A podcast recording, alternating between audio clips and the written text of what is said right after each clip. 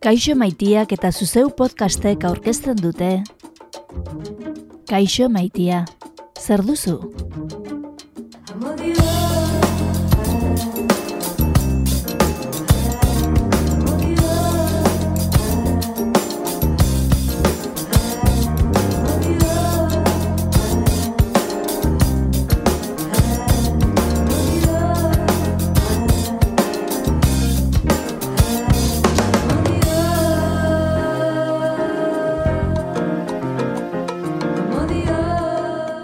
Euskal Herritarron harreman afektibo eta sexualei buruzko ikerketa aztertzen du kaixo maitia. Zer duzu podcastak? Eta laugarren atalari eskainiko diogun hirugarren saioa da gaurkoa. Sexu inkestaren azken atala mintzagai izango duen azken saioa dugu beraz, onakoa. Eta ama bizaioren ostean, podcastaren lehen denboraldia itxiko duena.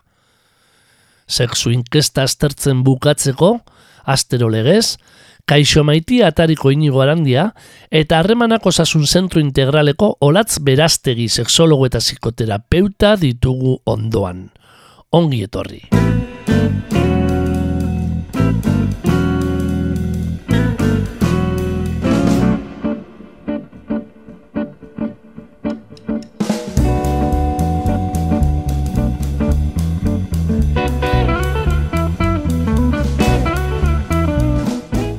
Izutzen nauzu maitatzeak mundu izeneko toki auskor batean.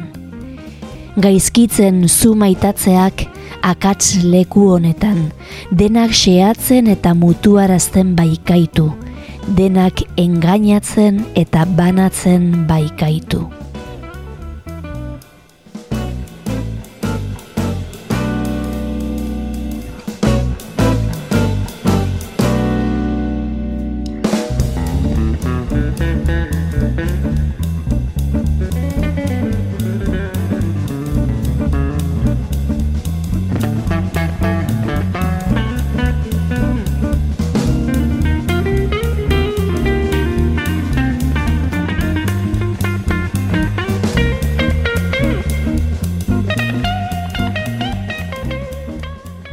Sofia de Melloren izutzen nau zu maitatzeak entzun dugu.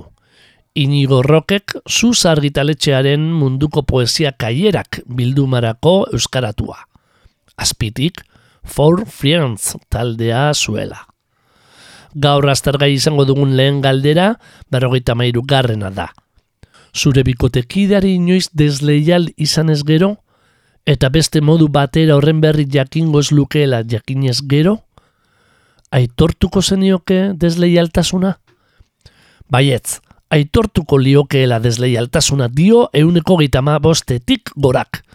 Eta ezetz, ez lukeela ezer esango kasik euneko gita bostak. Beste euneko gita guruk dio ez litzaiokeela desleiala izango. Ba, pixkat leno morala, bai. moral pertsonalaz e, aipatu du eolatzek eta honek dauka hain zuzen moral pertsonal. Hau da, gertatu da, eta guain nola bizi dezu hori, ez? Nola eraman, eraman dezakezu. Eta batzuk erabakitzen dute hori eramateko modua dara aitortuaz, beste batzuk e, ez, ez ezkoa zeatuaz, beste batzuk esatzen dute ez luketa lehengo, eta beste honeko marrak ez daki, e, zer bai. erantzun e, galdera horren aurrean. Baina bai da pixkat leno latze gaurreko galderari erantzunez, ba pixkat ere hori, bakoitzak. Bai, bakoitzak bere, ardu, bere ez gertatu den hori nola gestionatzen eta nola eramaten duen ez esateak ez, ez, ez du nahi batzutan ondo eramaten duzula, baizik eta hor erabakiten duzula ez esateak, ez, hau da. Ba hor, bidez berreinak eramaten dituzula. Eh? Bikotekideari desleiala izan zaiola ez lioke aitortuko euskaldunen euneko eta bostak, lautik batek, sexu inkestako erantzunen arabera. Eta adinean gora gainera, igo egiten da eunekoa. Berrogeita bost, irurogeita laburte bitartekoen artean jotzen du gailurra lautik batek ez, irutik batek ez lukeltez leialtasunik aitortuko. Claro, nik uste dut hor, e, beldurra ere badago, oza, be, a ber, harremana galtzeari, do, hor segertatu behar den beldurra horrek badagola, erdigunean dagoela. Ez eta jotan pentsatzen du, ba, ez badut esaten, ba, bueno, hor geldituko da, ez? Eta gainera, bada zerbait norberak begiratu behar duena. Orduan, ba, bueno, ez da inerreixa kontatzea, eta pentsatzen dut, harremana geroz eta luzeagoa izan, geroz eta zailagoa dela. Ba, eta semea la balima da eta artean, eta hau da, galtzeko arriskua handiagoa balima da, e, bas, bueno, ba, horre e, bueno, arrisku hori hartu nahi izatea ere, e, bai. logikoagoa bintzat badirudi badela, ez. Adinean gora, bikote egitura ere gero eta komplexuagoa da sarritan, eta agian horrek ere badu aipatutako emaitzarekin zer ikusirik. Egin dezagun aurrera, berrogeita malaukarren galderarekin. Onartuko zenuke elkarrekin itzegin ondoren zure bikotekideak beste norbaitekin harreman sexualik izatea? Euneko amarretik gorak ez du nahi edo erantzuten jakin izan eta beste uneko amar batek dio horrelakorik ez litzatekeela inoiz gertatuko. Baietz, adostuz gero onartuko lituzkeela dio euneko gaita bostak, eta ezetz euneko berrogeitik gorak. Hemen, hemen galdetu dana da, justo kontreno galdetu dugu zuk bai. ingo zen nuke e, ones, bikotaren bai. eta horren galdetzen dara kontrakoa. Oda, zuk onartuko zenuke, nola bait? E, e, egoera hori. Eta hemen ikusten da, gehiago diala, onartuko dutenak bere kasua danean, beak daukaten, daukanen maizalea, edo beak daukaten desleialtasuna, edo beak daukanen harreman hori irugarren pertsona batekin, eta ez alderantziz. Oda, e, erresagoa zaigu gu izatea, e, beste izatea baina, ez? Bai, bueno, nik uste dut, baina hori badela humanoa, ez? Eta, e, zan dut, hori dela e, erantzunean zintzoa izatea, ez? Mm bestea kontrakoa da, ez? Hobe da, ez, hobe da, zu ditokatzen zuen, gogorra izan daiteke, mhm. baina, bueno, erresago da gestionatzua zuzarena, ez, nola mhm. bait, e, irekitzen nahi da, edo zu desioari mhm. irten bide bat ematen diozunean, bestea, pues ez da inerreixa. Bai. Besteren posizioa da, e, oda, gal, agian zu, zure desirotasuna e, ez baian jartzen da, ez? Hori da. E, zure bikotek ideak, esaten nahi beste pertsona batekin, zatu nahi zuena, agian zu sentitu zaitezke e, ez zain desiragarri edo bai. zaitezke zure burua e, zentu horretan ez, eta horri gogorragoa da, eta... Bai. Galdera honetan, eta orokorrean, ez litzateke inoiz gertatuko, tankerako erantzunak dira gehien harritu gaituztenak. Ustez fisurarik gabeko bikote horiek monolitikoak, besteak desio propioak izan ditzazkela azten dutenak edo, agian zuk ezagutzen ez dituzun grina edo naia. Gero hori beldurra ematen dit. Zan nahi dut, beldurra ematen dit, ze uste dut, ez, hori da, ez, lehen osaten dudan fisurari gabekoa perfekzio hori, ez, zer da hor ikusten ez duguna. Zen ikuste dut, ez, bikote harreman batean sartzen zarenean, aukera hori dela, incertidumbre hori de, bizitzen den zerbait, ez, gertatu daiteken zerbait da. Eta gero, bueno, pues, egunerokotasunak askotan eramaten zaitu hori aztu egitera, baina, bueno, horren gestioa, ez, beti daukagu gainean, ez, gertatu daiteken zerbait da. Bai, bai. Orduan, ez pentsatzea hori inoiz ez, ez, gertatu daiteke beste gauza bada, aurrera egingo den, ez, nola egimango dugun, hitz egiten dugun edo ez, baina ematen dela, argi dago. Da momentu batean e, sekreturi gabeko bikote bat bezala, ez? Esa, bai, bai, da, bai. azkenen da bat eta anulatzen da individua. Hori da, hori da. Hori dago fusio bat, hori dago fusio bat. Eta bakit ez dala gertatuko, ze bat pertsona ba, ba, eh, bera gara, ez? Eta hor, hor gehiagotan gertatuko da, ze momentu horretan fusio hori itxogarria da. Hori zaten, fusio hori eta perfekzio hori itxogarria da. Ze, ez dakit, ez? Humanamente nahi dugu hankasartzea, noiz baite bizitzan, esan nahi du, gauza askotan, ez? Behar dugu sentitzea, hankasartu dezakegula eta perfektoak ez garela. Mm Bai, bai.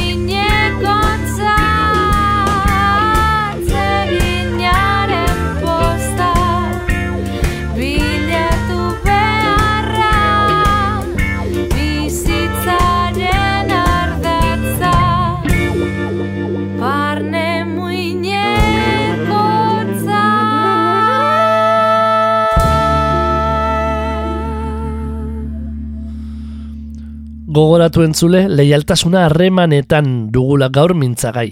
Eta orain bizaio atal aztertzen hasi ginenean, ohar bat egin genuela, leialtasuna kontzeptuaren ingurukoa. Horixe argitzera dator, hain zuzen ere, urrengo galdera, berrogeita mabos garrena.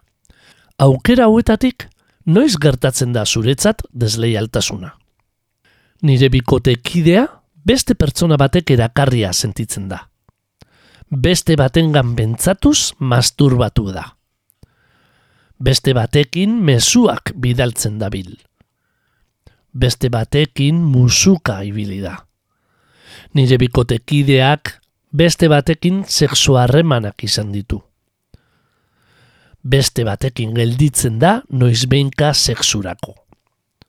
Beste batek erakarria sentitzea edo beste inor buruan izan da masturbatzeak ez dira euneko amarreko langara iristen. Eta euneko gita inguruk uste du beste batekin mezuak trukatzea desleialtasuna dela. Eunekotan, gehiengo batek desleialtasuntzat jotzen dituenak azken hiru aukerak dira, argi eta garbi. Beste batekin musuka ibili da, euneko irurogeiak.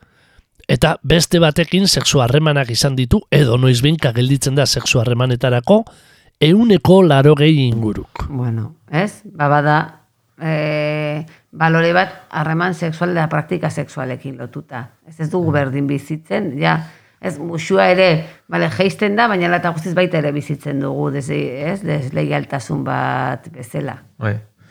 Nik uste e, parte fisikoa sartzen danean, oda ekintza fisiko batera Bai. ja pasatzen danean, horria e, langa hor dagoela, ez? Bai. Bestea da mezuak eta ez, eta maz, baina individuala da. Osea, Bai. ja, e, bestea ja parte hartzen du besteak ja aktiboki, ez? Eta nik uste hor dagoela...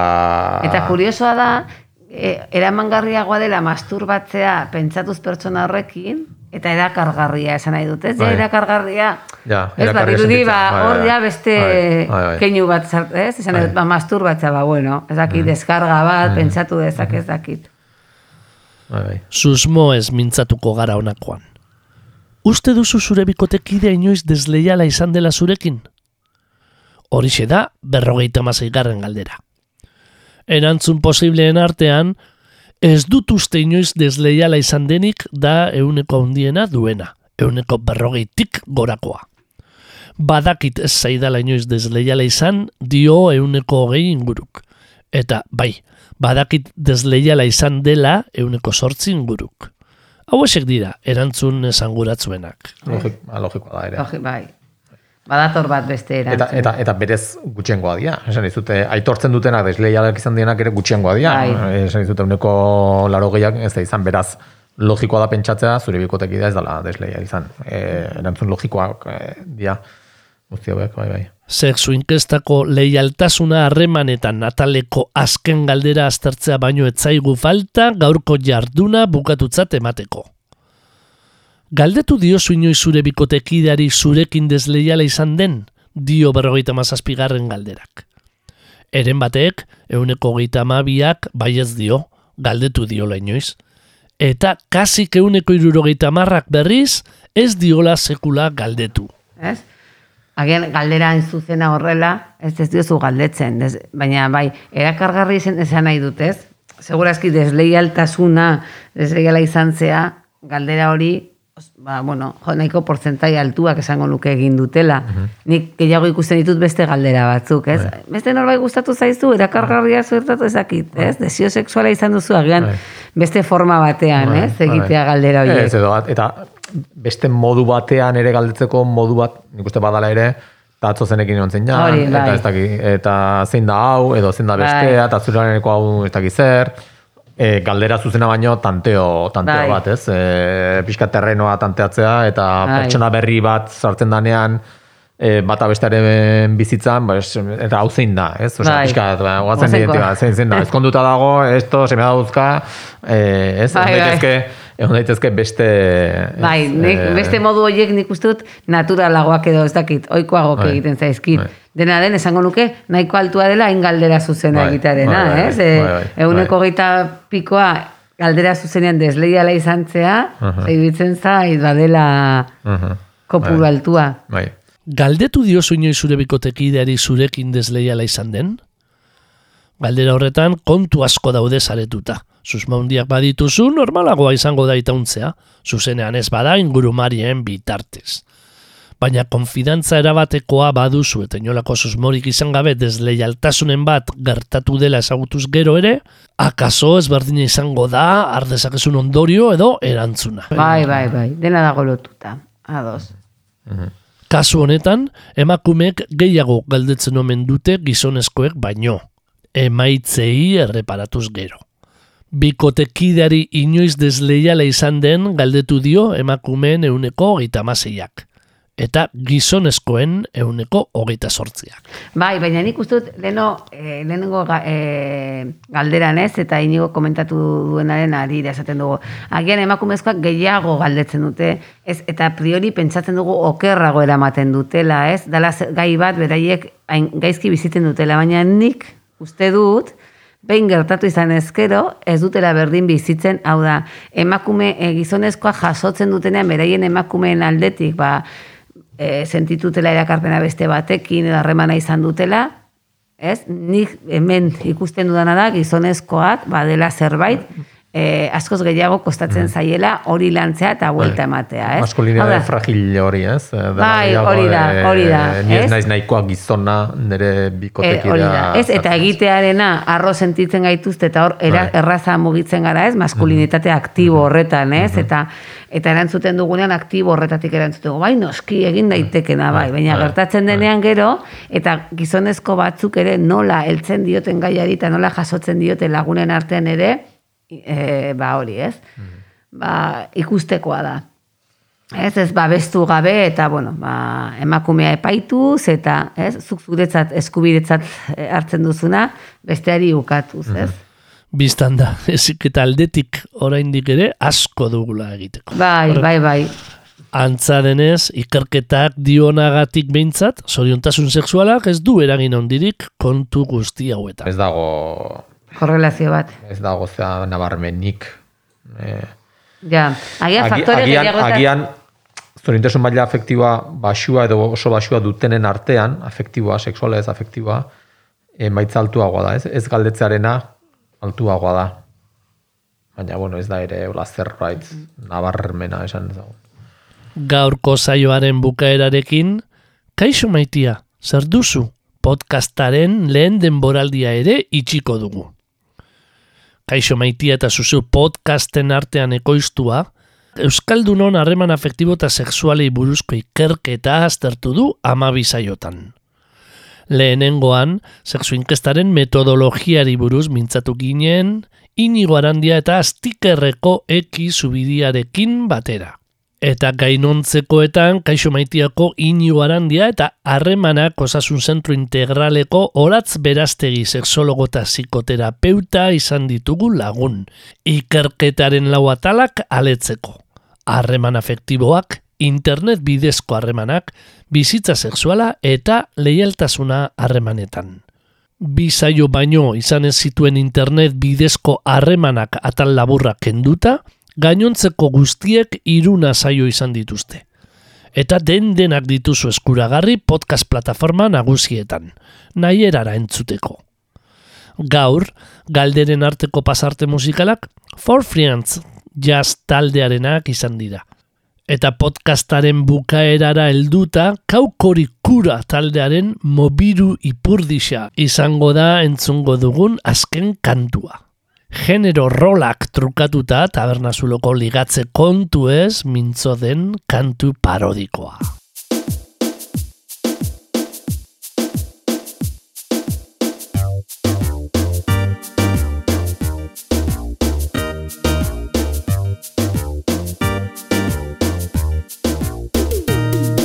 Mobiru, mobiru ipurdixa Mobiru niretzat ipurdixa Mobiru, mobiru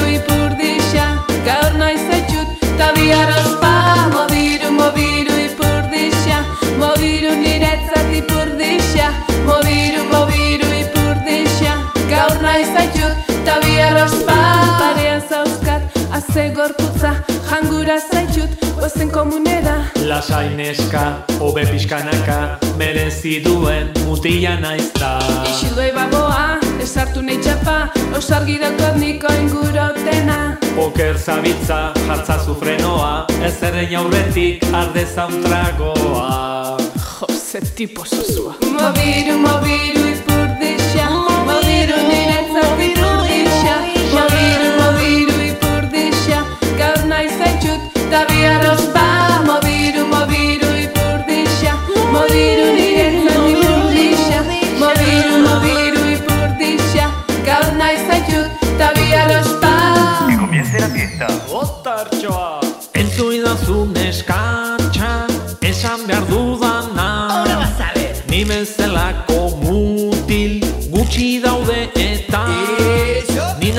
naiz ezkertiarra,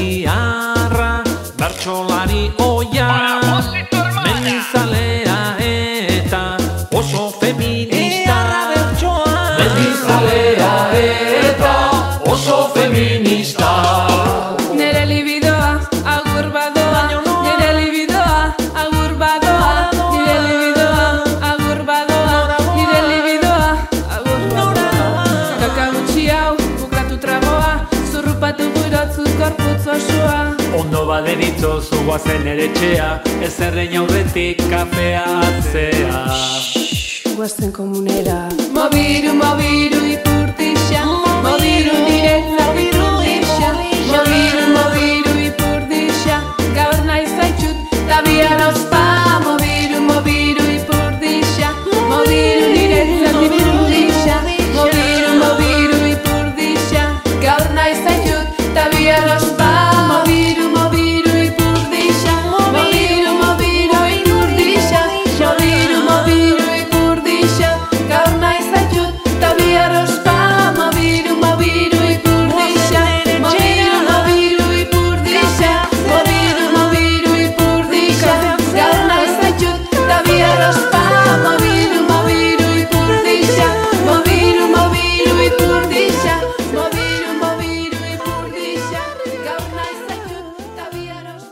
Podcast honetan jorratu diren gaiei buruzko galderaren bat edo harreman afektibo eta sexualei buruzko edozein kezka argitu nahi baduzu? Harremanak osasun zentro integralera jo dezakezu. 6 bederatzi, 606, zazpi, zazpi, zazpi, telefonora deituz edo harremanak abildua yahoo.es elbidera idatziz.